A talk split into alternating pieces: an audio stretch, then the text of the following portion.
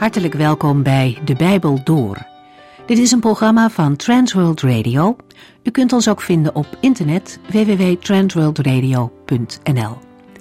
De Bijbel Door is een radioserie die in vijf jaar tijd door de hele Bijbel gaat.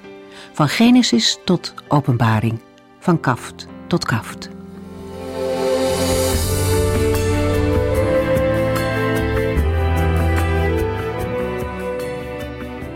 Van harte welkom weer. Wij lezen in deze serie uit het boek Jezaja. De profeet Jezaja heeft een gezicht van God gekregen, waarin de Heere laat zien hoe hij tegen zijn volk aankijkt. Hoofdstuk 1 maakt meteen al duidelijk waar het probleem ligt. Israël heeft God de rug toegekeerd. Gods liefdevolle zorg en zijn hartsverlangen om een hechte relatie te hebben met zijn volk heeft het volk naast zich neergelegd. Het ging zijn eigen gang, zonder God. Dat raakt de Heere diep en via allerlei rampen die hen overkomen wil hij hen tot inkeer brengen. Hoofdstuk 1 beschrijft de verwoesting van Juda. Alleen Jeruzalem bleef gespaard. De ellendige toestand van het volk en het land is rechtstreeks terug te voeren op het verlaten van de Heere. Uit de beschrijving van de wonden die het volk heeft opgelopen blijkt dat de wonden zelfs niet verzorgd zijn. Het volk is er slecht aan toe. Overigens is niet de hele eredienst verdwenen. De offers worden nog gebracht en de tempeldienst functioneert. Het gaat gewoon door. Maar de Heere kijkt er dwars doorheen. Hij ziet dat het niet meer is dan een uiterlijk vertoon, het is allemaal schijn. De harten van de mensen zijn niet op de Heere gericht. Van buiten lijkt het nog wel aardig, maar van binnen is het mis. En God weet precies hoe het ervoor staat. En zijn boodschap is: hou er alsjeblieft mee op. De Heere verdraagt hun schijnheilige godsdienst niet langer. Indringend roept hij de mensen op om zich te bekeren en hun zonde te beleiden. Pas dan kan er herstel plaatsvinden. Dan krijgen de feesten en de diensten weer inhoud. Wat is het toch bijzonder dat de Heere zelfs in zo'n situatie nog een keer het initiatief neemt om zijn volk duidelijk te maken wat hij wil. Ze hebben niet geluisterd, ook niet toen ze in grote moeilijkheden zaten. En toch stopt de Heere dan nog steeds niet. Hij stuurt een profeet om zijn woorden bekend te maken. En dat geeft aan hoe bijzonder graag de Heere wil dat zijn volk met hem leeft. De Heere doet er alles aan wat hij kan. Het is aan het volk om op die liefde te reageren. We lezen verder vanaf Jesaja 1, vers 19.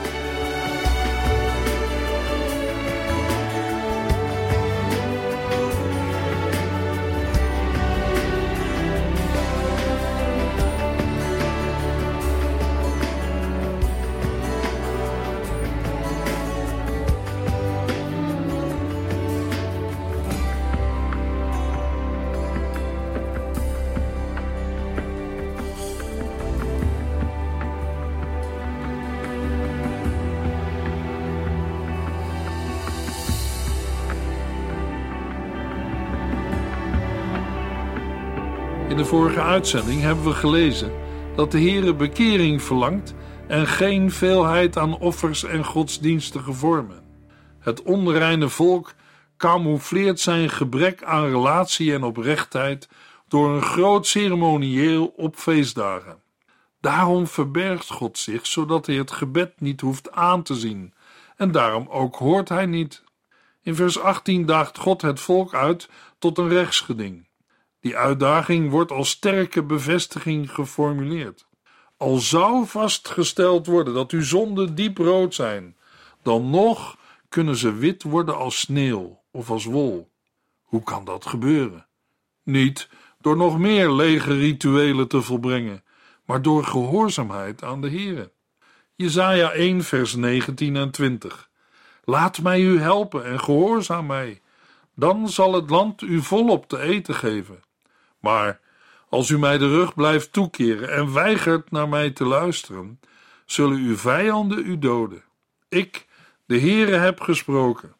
Wie aan die voorwaarden voldoet, zal het goede van het land eten. Wie weigert, zal omkomen door het zwaard. Dat deze wetmatigheid van zegen en vloek ernst is, blijkt uit de bekrachtiging. Ik, de Heere, heb gesproken. In de versen 21 tot en met 31 geeft de Heer antwoord op de huidige toestand van het volk. In de versen 21 tot en met 28 volgt nu eerst de klacht over Jeruzalem en de aankondiging van het oordeel en van het herstel. Jesaja 1 vers 21 tot en met 23. Jeruzalem, u was eens mijn trouwe echtgenote. En nu pleegt u overspel met vreemde goden. Eens was u een stad die bekend was om gerechtigheid en rechtvaardigheid. Maar nu zijn uw inwoners moordenaars geworden. Eens was u een stuk puur zilver, maar nu is het zilver vermengd met onzuivere bestanddelen. Eens was u als een edele wijn, maar nu is die wijn met water vermengd. Uw leiders zijn opstandelingen en gaan om met dieven. Ze zijn omkoopbaar en hebzuchtig. Rechtvaardigheid tegenover wezen en weduwen is er niet meer bij. Vanwege de morele verwording wordt Jeruzalem vergeleken met een hoer en met zilver en wijn die ondeugelijk zijn. Het begrip hoererij wordt gebruikt voor zowel letterlijke als geestelijke hoererij. In geestelijke betekenis betekent het dat het volk de Heere verlaat en zich hecht aan andere goden. Zowel het zilver als de wijn moet gezuiverd worden. De leidinggevenden doen alles wat niet bij een goed bestuur, zoals de Heere dat wil, hoort.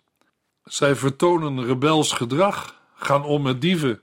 Zij zijn omkoopbaar, onverschillig tegenover het lot van wezen en weduwen.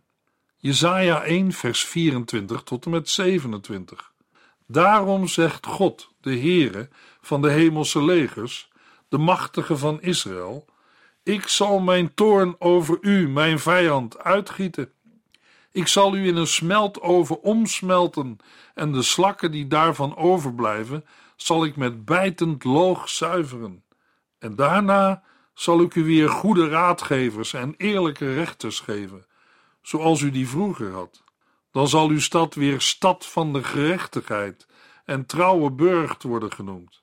Zij die naar de Here terugkeren, zullen door recht worden verlost. God, als de Heere van de hemelse legers, de machtige van Israël, kondigt dan ook het oordeel aan in de vorm van een radicale zuiveringsactie. Opvallend zijn de drie titels die voor God worden gebruikt in deze context van oordeel. Jezaja wil de totale macht en heerschappij van de Heere benadrukken. Het ondeugelijk geworden zilver zal God zuiveren met loog, zodat metaalschuim of slakken daaruit verwijderd worden. Het resultaat is dat Jeruzalem weer genoemd wordt stad van de gerechtigheid en trouwe burcht. Koning Jozefat heeft hervormingen in het rechtsbestel doorgevoerd, maar die lijken in deze tijd niet meer effectief te zijn. In Jesaja 1 vers 21 tot en met 26 wordt geen koning genoemd, mogelijk omdat de nadruk meer valt op de praktijken van de bestuurders in de stad. De uitdrukking worden genoemd komt relatief vaak voor en duidt op een nieuwe situatie die intreedt.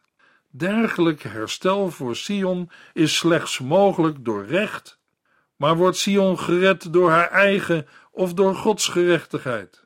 De mogelijkheid gered te worden is helemaal en alleen te danken aan Gods genade en zijn initiatief. Daarbij heeft de mens ook een persoonlijke verantwoordelijkheid. Hij of zij moet terugkeren naar de Here. In de versen 27 en 28 trekt Jezaja een scheidingslijn tussen die inwoners die zich bekeren en hen die hun zondige wandel voortzetten. Daarmee wordt opnieuw gewezen op de kern van het zondeprobleem: het de Here de rug toekeren. Opvallend is dat de aanvankelijke veroordeling uit vers 24, die uitmondt in een zuiveringsactie, uiteindelijk zelfs tot een heilsbelofte voor Sion leidt. Jesaja 1 vers 28 en 29. Maar overtreders en zondaars zullen worden verpletterd, en zij die de Heere verlaten zullen sterven. U zult zich diep schamen en blozen als u denkt aan al die keren dat u in uw tuinen met de heilige eikenoffers bracht aan de afgoden. In aansluiting op vers 28 wordt in vers 29 het onheil dat de goddeloze te wachten staat nader uitgewerkt. De begeerte naar de grote bomen en de tuinen in vers 29 verwijst waarschijnlijk naar de afgoderij bij de heilige eiken als onderdeel van de vruchtbaarheidscultus van Baal en Astarte. Een andere verklaring is dat het in plaats van deze cultus gaat om het vereren van geesten die geacht worden in de heilige eiken te wonen. Een minderheid van de Bijbeluitleggers betrekt de bomen op de raadgevers en rechters van vers 26. Het vereren van de schepping in plaats van de schepper kan tot niets anders leiden dan tot schaamte en mislukking. De overtreders en zondaars zullen gelijk worden aan de voorwerpen die zij vereren. De bestemming van Gods volk hangt af van het antwoord dat zij geven op Gods aanbod van vergevende genade. Als ze bereid zijn om zich van hun zonde af te keren en de Heere te gehoorzamen, zal Hij zijn gunst en zegen geven en hen beschermen tegen hun vijanden. Jesaja 1, vers 30 en 31. U zult zich voelen als een boom die zijn bladeren verliest en als een tuin zonder water. De sterksten onder u zullen verdwijnen als stro dat verbrand wordt. Uw slechte daden zijn de vonk die het stro aansteekt, en er zal niemand zijn die het vuur blust. De goddelozen zullen worden als een eik die verwelkt en als een tuin die verdort. Er is alleen een vonk nodig om een totale vernietiging te bewerken. Dat beeld wordt verder uitgewerkt in het laatste vers. Zoals een vonk stro in lichte laaien zet, zo zal afgoderij de afgodendienaar verteren. Samen zullen zij vernietigd worden. En er zal niemand zijn die tussen beiden komt.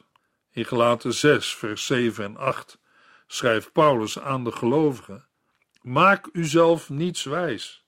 God laat niet met zich spotten. Wat iemand zaait, zal hij ook oogsten. Wie naar de oude menselijke natuur leeft, kan alleen maar dood en verderf verwachten. Jesaja 1 is van belang als introductie op het hele Bijbelboek met zijn hoogte- en dieptepunten, oordelen, rampen, waarschuwingen en het uitzicht dat Jeruzalem op de duur een stad van gerechtigheid zal worden. De Heer wordt in het Bijbelboek Jesaja vaak de heilige of machtige van Israël genoemd. Hij is hoog en verheven, maar ook verbonden met het volk Israël. Tegelijkertijd is hij ook de schepper die hemel en aarde aan kan roepen als getuigen. De verbondsrelatie komt naar voren. De Heer heeft kinderen grootgebracht en opgevoed, maar zij luisteren helaas niet. Rebellie tegen de schepper, verbondsgod en vader is ernstig, zeer ernstig. Er zijn door de Heer normen voor ons gedrag gegeven. En mensen hebben niet het recht geheel eigen beoordelingen te maken van wat goed of kwaad is. Dat geldt voor Israël, maar is ook voor onze maatschappij en voor de christelijke gemeente van toepassing. Wie niet luistert, wordt veroordeeld. Maar Gods werk gaat door, ook door beproeving en loutering heen. Een boodschap die ook in het Nieuwe Testament dieper wordt uitgewerkt. Jesaja 2 vers 1 Dit is een andere boodschap van de Heer aan Jesaja over Juda en Jeruzalem. In bepaalde opzichten vormen Jesaja 2 tot en met 12 een afzonderlijke eenheid in het Bijbelboek. Deze eenheid is onder te verdelen in Jesaja 2 tot en met 5, het centrale hoofdstuk Jesaja 6 en daarna Jesaja 7 tot en met 12. Door twee passages over Gods koninkrijk en een middendeel over de veroordeling van hoogmoed vormt Jesaja 2 tot en met 4 een kleinere eenheid binnen het geheel van de genoemde hoofdstukken. Jesaja 2 opent nagenoeg op dezelfde manier als Jesaja 1, met dit verschil dat het visioen wat Jesaja heeft gezien hier niet als gezicht, maar als boodschap wordt omschreven. Het betreft opnieuw Juda en Jeruzalem. Een tijdsbepaling als in Jesaja 1 vers 1 ontbreekt. Jesaja 2 vers 2 In de laatste dagen zullen Jeruzalem en de tempel van de Heere een grote aantrekkingskracht op de wereld uitoefenen. En mensen uit vele landen zullen daar naartoe trekken om de Here te aanbidden. Vers 2 beschrijft een situatie in de toekomst waarin de berg van het huis van de Here zal gelden als de allerbelangrijkste plaats, zodat alle volken daarheen zullen gaan. Jesaja 2 vers 3 Kom, zullen zij tegen elkaar zeggen, laten we naar de berg van de Here gaan, om de tempel van de God van Israël te bezoeken. Hij zal ons leren hoe wij moeten leven, en wij zullen hem gehoorzamen. Want in die tijd zal de Heere vanuit Jeruzalem de hele wereld onderwijzen en regeren. Vanuit Sion, ook omschreven als de tempel van de Heere, zal de Heere zijn wet en woord laten uitgaan. De positieve nadruk die Jezaja als profeet legt op de tempel en op de wet, toont dat er geen scherpe tegenstelling is tussen profeten en tempeldienst. Het woord Torah of wet geldt ook als aanduiding van de eerste vijf Bijbelboeken en geeft onderwijs in bredere zin aan. Niet alleen de tien geboden in onze betekenis van het woord wet. De volken komen om onderwijs te ontvangen en daarna te handelen. Met andere woorden, om te leren leven naar Gods wil. De bewoordingen die worden gebruikt zijn kenmerkend voor de wijsheidsliteratuur in het Oude Testament. Het onderwijs is gericht op het juiste en goede handelen en is dan ook meer dan louter theorie. Het is verrassend dat Jezaja hier niet de reactie van Juda geeft op de openbaring van Gods heerlijkheid, maar die van de volken. Israël zal tot zegen zijn van de hele wereld. Maar het lijkt wel alsof het initiatief in Jesaja 2 bij de volken ligt. Het beeld van de toekomstige heerlijkheid van de tempel komt veel voor in het Bijbelboek Jesaja en daarbuiten. Jeruzalem wordt het centrum van de wereld van waaruit God zal regeren. Jesaja 2 vers 4 Hij zal recht spreken tussen de volken en machtige, ver afgelegen naties terechtwijzen. Oorlogstuig zal worden omgebouwd tot landbouwwerktuigen. Geen enkel volk zal nog een ander volk aanvallen, want alle oorlogen zullen verleden tijd zijn en niemand zal meer worden opgeleid tot soldaat. De Heere zal recht spreken en zijn oordeel vellen over de volken, met als gevolg dat er een wereldwijde vrede zal ontstaan. Deze vrede is geen gewapende vrede, maar bestaat daarin dat wapens en zelfs de opleiding tot soldaat zullen verdwijnen. Plastisch wordt dit verwoord met oorlogstuig zal worden omgebouwd tot landbouwwerktuigen. In Joel 3 vers 10 komt het omgekeerde voor. Van vredestoestand naar oorlogssituatie. Van smelt u ploegen en maakt er zwaarden van. Jesaja 2 vers 5 Och Israël, laten wij wandelen in het licht van de Heere en zijn wetten gehoorzamen. Als vers 4 de toekomstvisie voor de wereld is, hoeveel te meer geldt dit dan als aansporing voor Israël om in de huidige tijd te leven met de God van Israël? In de Hebreeuwse tekst van Jesaja 2 vers 3 wordt de Heere expliciet aangeduid als de God van Jacob. En in Jesaja 2 vers 5 wordt Israël aangeduid als de nakomelingen van Jacob. De Heere heeft een relatie met hen en zij met hem. De toekomst is als het ware al begonnen en het is voor Israël van belang zich daarop voor te bereiden door te wandelen in het licht. In het Bijbelboek Jesaja komt de tegenstelling tussen licht en duisternis vaak voor. Het volk dat in duisternis leeft, zal een groot licht zien. Met de oproep in vers 5 sluit dit gedeelte af. Het contrast met de dagelijkse werkelijkheid, zoals beschreven wordt in het volgende gedeelte, is erg groot. Hoe kan Jeruzalem ooit die heerlijke status krijgen? Door zich tot de Here te keren, die deze toekomst realiseren zal. Jesaja 2 vers 6 tot en met 9 De Heere heeft u verstoten, omdat u vreemde invloeden uit het oosten binnenhaalt, zoals magie en contact met de boze geesten zoals dat ook bij de Filistijnen het geval is. Israël heeft grote schatten aan zilver en goud en grote hoeveelheden paarden en wagens. Bovendien wemelt het land van de afgoden. Ze maken zelf hun afgodsbeelden en aanbidden die dan. Groot en klein, alles buigt voor die beelden. En God zal hun de zonde niet vergeven. In tegenstelling tot de beschreven heerlijke toekomst, blijkt dat er in de huidige tijd geen sprake is van harmonie tussen de Heere en het volk Israël. De Heer heeft zijn volk verlaten en met reden. Sinds Mozes en Jozua geldt de waarschuwing zich niet in te laten met de omliggende vreemde volken. Toch is het volk herhaaldelijk voor die verleiding gezwicht. Het is helemaal beïnvloed door het oosten en pleegt toverij, net als de Filistijnen. Het krioelt er van de afgoden.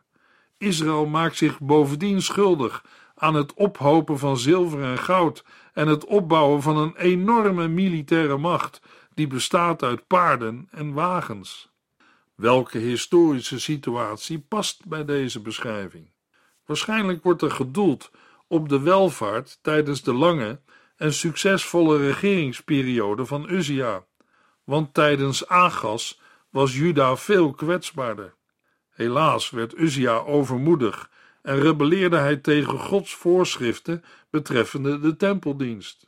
Jesaja 2 waarschuwt tegen hoogmoed, een zonde waaraan Uzia zich schuldig maakte. Uzia liet de altaren op de heuvels bestaan en tijdens zijn ziekte en de mederegering van Jotam werd er door Israël afgoderij bedreven. Het volk vertrouwt niet op God, maar op eigen handelingen, want tot niets anders dan afgoderij kan leiden. Jezaja merkt cynisch op dat het volk zich buigt voor afgoden die zij zelf hebben gemaakt. De Heere zal hun dit niet vergeven. De zonde dat de mens zelf zijn eigen God op maat maakt, in plaats van de ware God te erkennen en te dienen, is dermate ernstig dat dit niet zomaar vergeten kan worden. Jesaja 2, vers 10 tot en met 12. Verberg u in de grotten, verberg u voor de verschrikkelijke majesteit van de Heere, want er komt een tijd dat trotse blikken worden neergeslagen en dat trotse mannen zich buigen. In die dagen zal alleen de Heere verheven zijn. Die dag zal de Heere van de hemelse legers alles wat trots en hoogmoedig is vernederen. Tot het volk zegt Jezaja dat het zich moet verbergen in de grotten voor de verschrikking van de Heere en voor de schittering van zijn majesteit. Wat trots is, wordt vernederd. Alleen de Heere zal dan hoog verheven zijn. Die dag van de Heere van de hemelse legers is een oordeelsdag tegen al wat trots is, niet alleen voor Israël, maar ook voor de andere volken. Het is zowel een dag van redding voor hen die de Heere trouw zijn, als een oordeelsdag voor al wat zonde is. Jesaja 2 vers 13 tot en met 18 De hoge ceders van de Libanon en de machtige eiken van Bazan zullen zich buigen. Alle hoge bergen en heuvels, elke hoge toren en steile muur, alle grote zeeschepen met kostbare lading, alles zal die dag door de Heere worden verwoest. Alle menselijke verwaandheid zal moeten buigen en alleen de Heere zal verheven zijn. En alle afgoden zullen spoorloos verdwijnen. De volgende verzen concretiseren de menselijke hoogmoed met beeldspraak ontleend aan de natuur. Ceders en eiken, bergen en heuvels. Het verwijst naar regering en maatschappij. Daarna volgen menselijke prestaties, zoals hoge torens en steile muren of onneembare vestingen, de scheepvaart en het bijeenbrengen van kostbare schatten. Maar het zal niet baten. Alle menselijke trots en verwaandheid zal worden vernederd. De Heere alleen zal op die dag verheven zijn. Deze verschijning van de Heere in macht en heerlijkheid heeft verstrekkende gevolgen. Alle afgoden zullen volledig verdwijnen. Jesaja 2 vers 19 tot en met 22 Als de Heere van zijn troon opstaat om de aarde te bestraffen, zullen zijn vijanden een goed heenkomen zoeken in rotsspleten en grotten, uit angst voor zijn indrukwekkende glorie en majesteit. Dan zullen de mensen eindelijk hun gouden en zilveren afgoden afdanken en voor de ratten en de vleermuizen gooien in een overhaaste vlucht naar de rotsholen en bergspleten, om te ontkomen aan de verschrikkelijke glorie en majesteit van de Heere, wanneer Hij opstaat om de aarde te bestraffen. Als de Heere van zijn troon opstaat om de aarde te bestraffen, zien de mensen geen andere uitweg meer dan zich te verbergen. Daarbij moeten we denken aan de woorden van de Heer Jezus in Lucas 23, vers 30. In die dagen zullen de mensen tegen bergen roepen: Val op ons neer, en tegen de heuvels: Bedek ons. Als ook aan Openbaring 6, vers 15 tot en met 17, waar Johannes schrijft: Ik zag dat alle mensen zich verstopten in holen en tussen de rotsen. Koningen, regeringsleiders en generaals, rijken en sterken, slaven en vrijen. Zij schreeuwden naar de bergen en de rotsen: Val op ons, verberg ons voor de ogen van Hem die op de troon zit en voor de toorn van het Lam. De grote dag van hun toorn is gekomen en niemand zal die overleven. Bij hun vlucht zullen ze hun zelfgemaakte kostbare zilveren en gouden afgodsbeelden noodgedwongen wegwerpen. Jezaja merkt sarcastisch op dat die zullen zijn voor de ratten en de vleermuizen, wat nog eens onderstreept dat goud en zilver dan waardeloos zijn geworden. Hoewel bij deze vlucht soms gedacht wordt aan aardbevingen, lijkt het onwaarschijnlijk dat mensen bij een aardbeving gaan schuilen in rotsen en holen, want die kunnen instorten. Eén ding is duidelijk uit Jesaja's woorden. Als de Heere opstaat om de aarde te bestraffen, zal dat een verschrikkelijke dag zijn. Jesaja 2 vers 22 Stel toch geen vertrouwen in de mens, klein als hij is en afhankelijk van zijn ademhaling. Hij stelt niets voor. Nu is gebleken dat het vertrouwen van mensen op afgoden en eigen activiteiten leeg en zinloos is. Roept Jezaja op: stel toch geen vertrouwen in de mens. Hij stelt niets voor. Iemand zal vragen: op wie dan wel? Stel je vertrouwen op de Heer Jezus Christus. De boodschap van Jezaja en van de Bijbel is niet alleen voor het volk Israël, maar ook voor de hele wereld. Het is mogelijk om een gedeeltelijke vervulling te zien in onze tijd, bijvoorbeeld in de wereldwijde verkondiging van het evangelie. Maar diverse aspecten wijzen naar een toekomstige vervulling. Het prachtige toekomstvisioen in de eerste versen doet ook een appel op ons. Wij moeten leven in het licht van de Here. In de volgende uitzending lezen we in Jesaja 3.